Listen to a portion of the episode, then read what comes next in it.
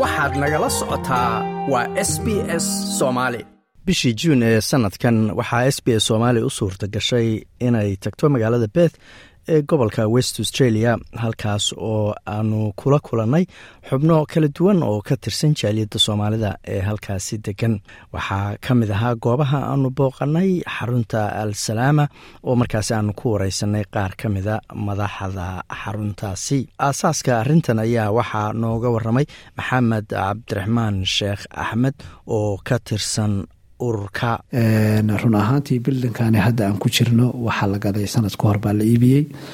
Baahida loo gadayna waxay ahayd isku xirka dhalinyarada. In dhalinyarada la isku xiro oo culturkii la baro oo diintii la baro af soomaaligii la baro. Marka muhiimadana in lagu cibaadeysto masaajid ay noqoto. Ayadana waa loo iibiyey.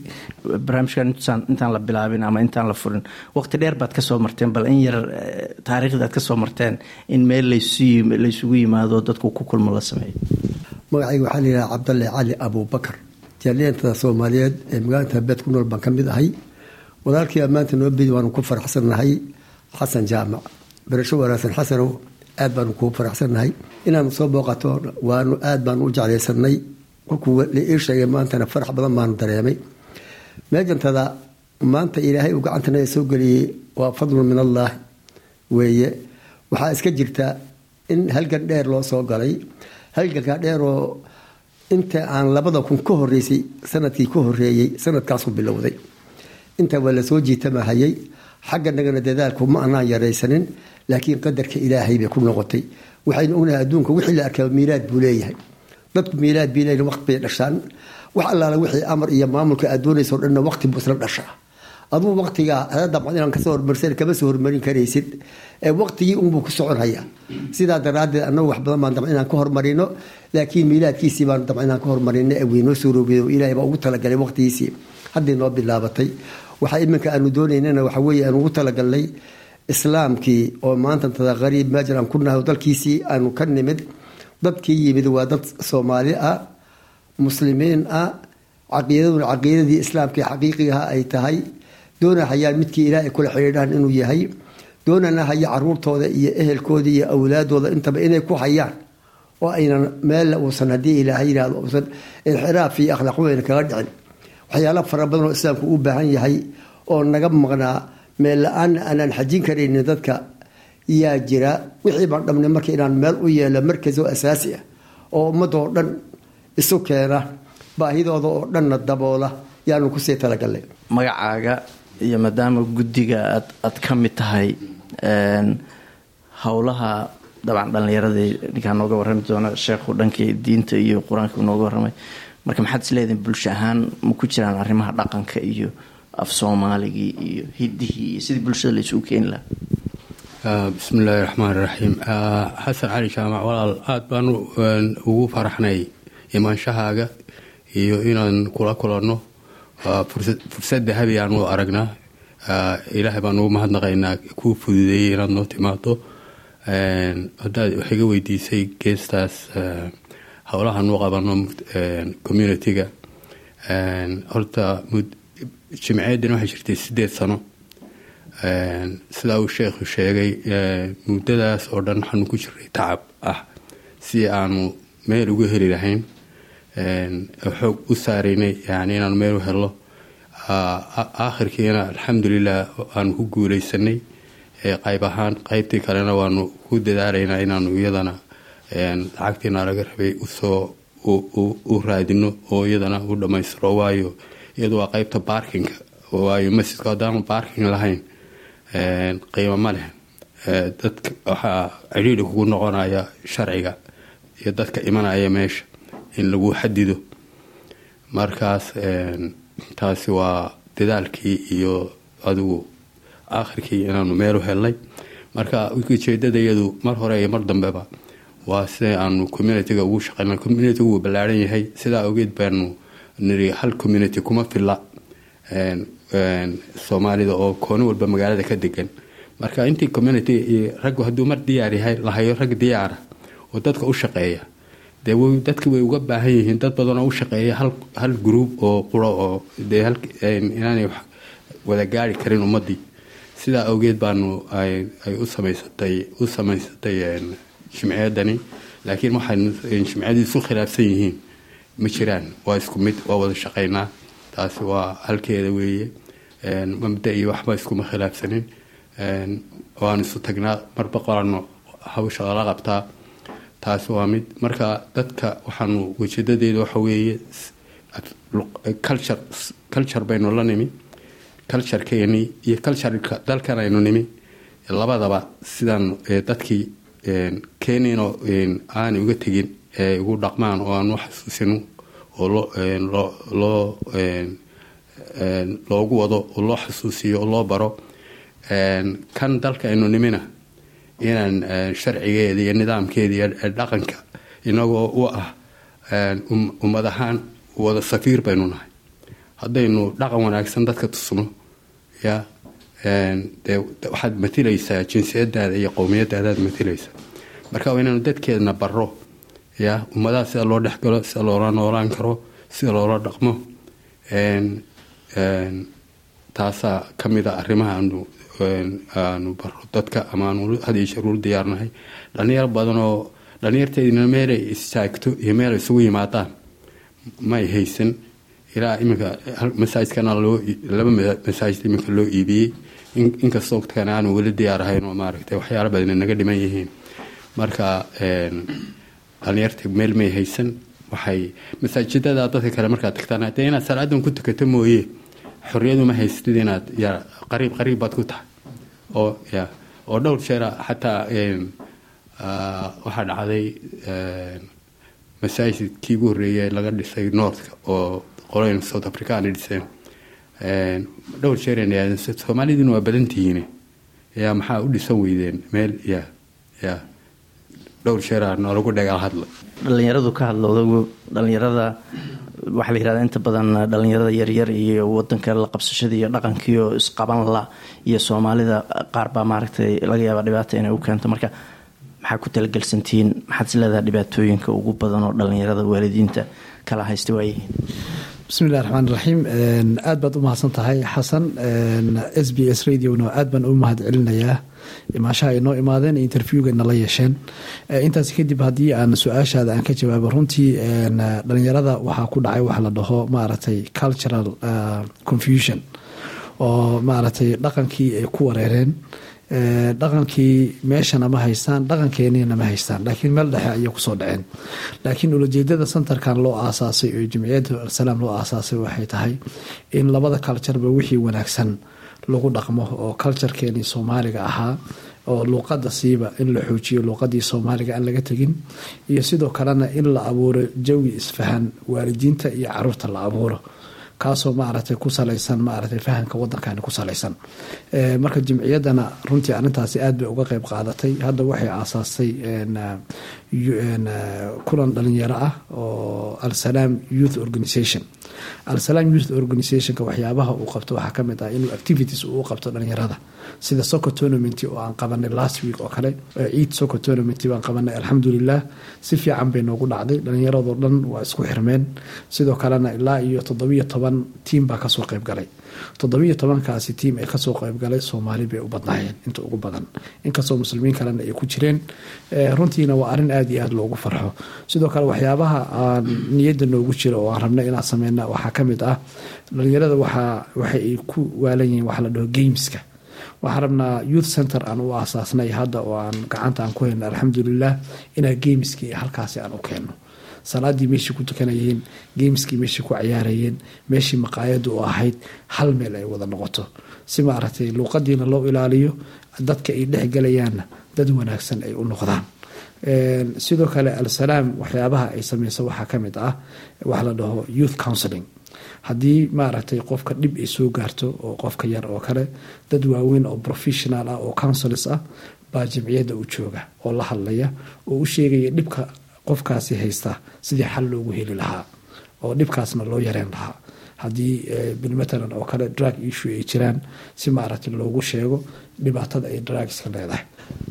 Xagga nacasnima igaga jirta maxay tahay? Luqad ma baranin kul haddaadan luqada baranina ummadda farqiga u dhexeeya iyo waxay ku kala duwan yihiin iyo waxay isku waafaqsan yihiin aada uma garatid.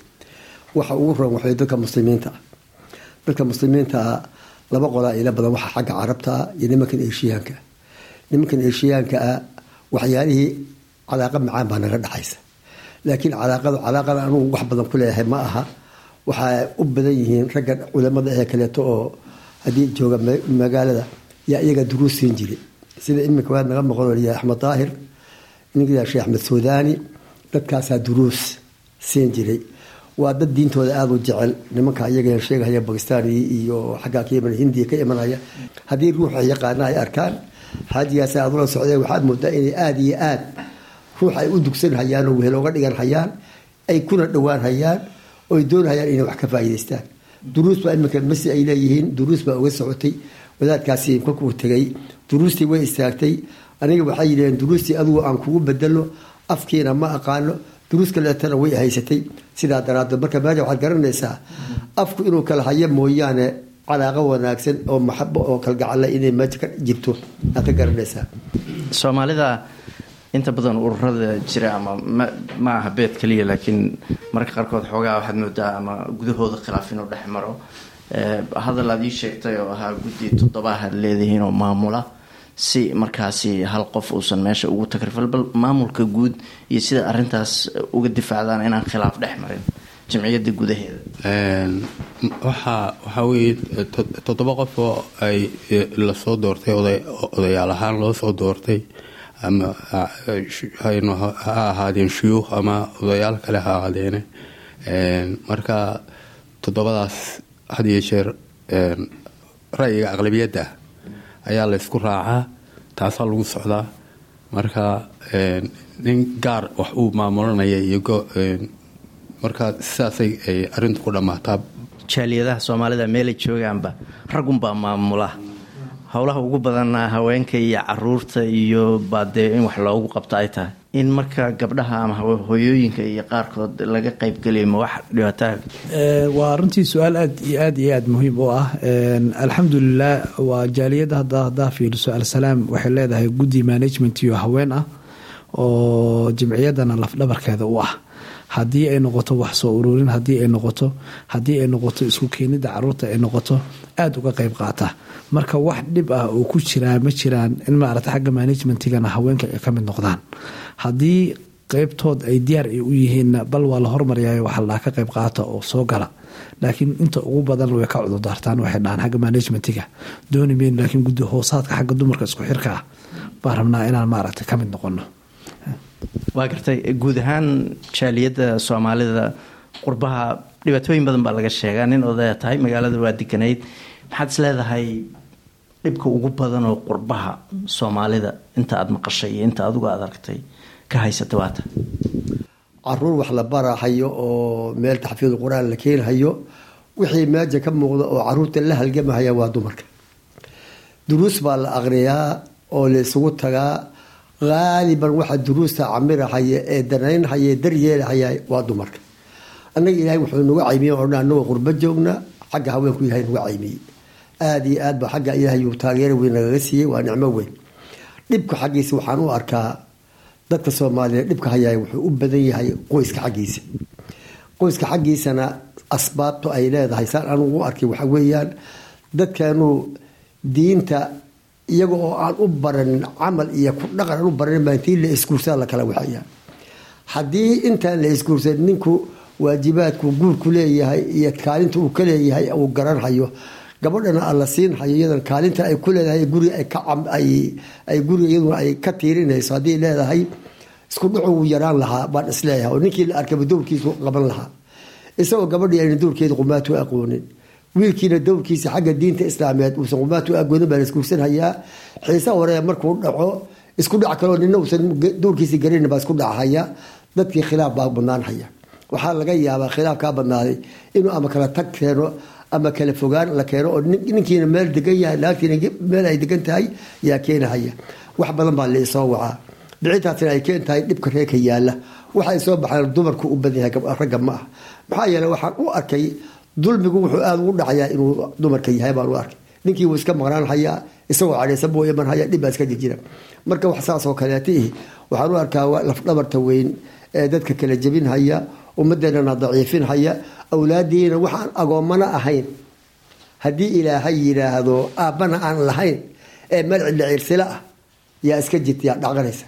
Gabadh maalin soo baxday baan iloobayn waxay tiri caruurtaasaan haystaa ninkiina wuu jooga magaaladu joogaa hadduu soo galo gabadhii hadduu arkay gabadhi reerkuu ku curtay kabbuu ku tuurahayaa buuri yay oo maxaa ka dili maxay kugu dilaysaa way isoo dhowtay. Soo isagu dhalin isagaa dhalay taasina way isoo martay. Oo waxaana weligay arag aana maqli oo gabadha aabeed awe goorma aaba yeelan doontaa marka. Dhibkaasaa haysta. Waxaa taana keenay xagga aqoontii diineed iyo tarbiyadii iyo awlaaddu xuquuqda ay ku leedahay ma garanayo xagga saasoo kaleetaa u badan baan is leeyahay waxa aada hoos noogu dhigay haddii ilaahay yidhaahdo keenahaya inuu had iyo goor dhibaata ay taagnaato. Waxyaalahaasa ka mid a yaan odhan karahaya waa gartay reer west australia west australia meelaha waxay ka mid tahay soomaalida melbourne baa ka badan baan umalaynaa labaad waayihiin markay ugu yaraadaan. West australia soomaalida degan ama guud ahaan gobolku muxuu uga duwan yahay? Soomaalida ama sydney degan ama beed degan wax gooniyo aad ku ammaani kartid oo reer west australia ay ku fiican yihiin dhaliilo gaaro ay mudan yihiin markii soomaalida halkan degan wallaahi taa isuma isuma kombeergarin karo leanno wax badan kama aqaano. Malban iyo sydney laakiin waxaan dareemayaa ama inta aan ka maqlay yaraantaanu ka yarnahay. Iyo dadka igu soo horreeyay halkan deganaa oo aad u ahaa muxaafidiin u ahaa soomaalida oo dadkii ku soo ku imanayeyna ma ay xoogaa marka hore yara falogoreynayeen iyaga. Markii dambe la soo batay ee wax walba yimaadeen. Dee wax walba way bedelmi karaan. Laakiin ilal-aan waxaan u arkaa inaanu ka dhib yarnahay labada meelood marka loo eego dhalinyarta xoogaa fidnoobay. Waa gartay wadankan doorasha ka dhacday dhowr asbuuc ka hor xisbigii hore waa laga guuleystay xisbi cusub baa guuleystay markastoo doorasho dhacdo siyaasiyiintu shacabka kala duwan bay shukaansadaan qolo walbay u tagaan. Hadday doonto muslimiin ha noqoto ama soomaali ha noqoto. Soomaalida dad active oo firfircoon oo siyaasada ka warqaba iyo dad soo kacayo wadanka ka warhaya iyo ishuuga laysku haysto caafimaadka maciishada nolosha waxbarashada ma tahay dad active ma ku leedihiin dadka? Haddaan su'aashaasi aan ka jawaabo runtii waa waa su'aal aad iyo aada muhiim u ah soomaaliduna waa indhahoodu horta waa furan yihiin xagga siyaasadda markay noqoto oo waxa weye meeshii danta ugu jirtana way u codeeyaan. Soomaali way jirtaa oo active ah oo siyaasadana mustaqbal kale inay ka qeyb qaataan oo laakiin aan soo sharaxin laakiin ummadaha kale oo kale haddaa fiiriso w a oo kale gabar muslimood baa ka soo baxday oo wasiirna noqotay oo xisbiga hadda leybarka oo talada haya oo kursi ka heshay alxamdulilah marka mustaqbalkan waxaan rajeyneynaa sidaasoo kale soomaali issoo sharaxa oo ayagana dowladda ka qeyb qaata. Laakiin hadda soo faa wax isusoo sharaxay xagga leebel ahaan kursi u soo sharaxay ma jiro. Laakiin waa laga yaabaa mustaqbalka. Ayaguna waxay isku raaceen inay u codeeyaan leybarka u codeeyaan sababtoo ah waxay dheheen xoogaha danteena meeshaas ku jirta. Xagga hadday noqoto caafimaadka xagga jaalkirka haddii ay noqoto marka halkaas ay u badnaadeen codkooda iyo ololaha meeshay uga qeyb qaateen meeshaasa u badan waa gartay jaaliyadda waqtiga badan aad deganayda soomaalida. Maxaa ku ammaani lahayd? Maxaa ku dhaliyi lahayd? Reer west australia maxaa gudbiyay soomaalida? Wax weyn horta iminka baaja aan kaasir haya ma jiro. Melbourne waan soo maray.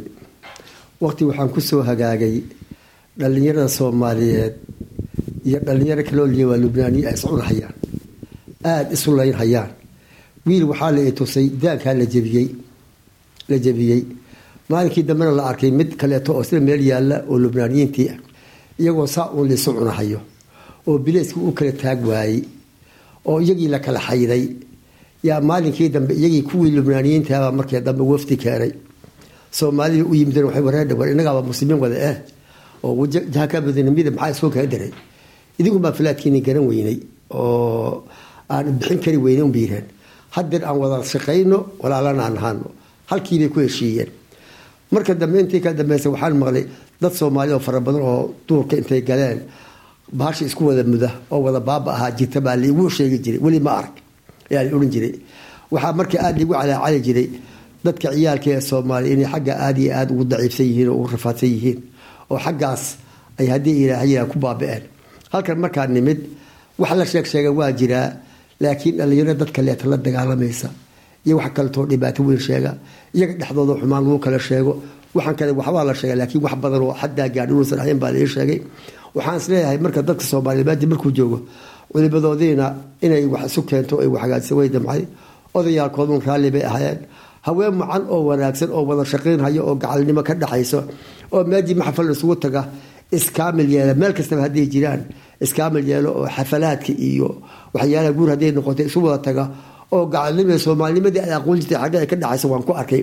La iima sheegin marka xaggaas inay sidaas darajada ay gaarhayeen dad noo yimi waxaa yiraheen war meeja tadaa raaxa taalaa bayna odhan jireen. Saasay ina odhan jireen. Annagu intaasaan ku ammaanahayaa meejan markii la joogo dad walaalaho gacalaan kaga warqabaa meejantada oo wax khilaafoo saasi uusan jirin uusan jirin. Xaggaas darajada lama gaadhin oo cudur baa kala jirjiraan iyo odhan jiray. Intaasaan ku ama haddii ay jirto intaasi haaliban waa waxyaala liisoo gudbiye waa wax ay ku ammaanan yihiin soomaalida meeja la jooga ay ku ammaanan yihiin dadkana midda kaleeto markii aan dan yeelanno dadka aan danka u yeelanay dantaas xaggee ujeedaan lama yaqaan. Soomaali ma ahaa dantaadii meeja ku jirta baa la odhaya. Ruuxii la arkaba dadka soomaaliya way gacan furan yihiin. Hawshaa waxbaa laga wada qataa. Dad aan aada iyo aada ugu mahadcelinhayo weeye. Ilaa noo barakeeyo wax barakaysanaa soo geliyo sidaasaan anuu ku ogahay inta. Maxaa kula talin lahayd jaaliyadaha kala duwan ee wadanka degan ama reer west australia?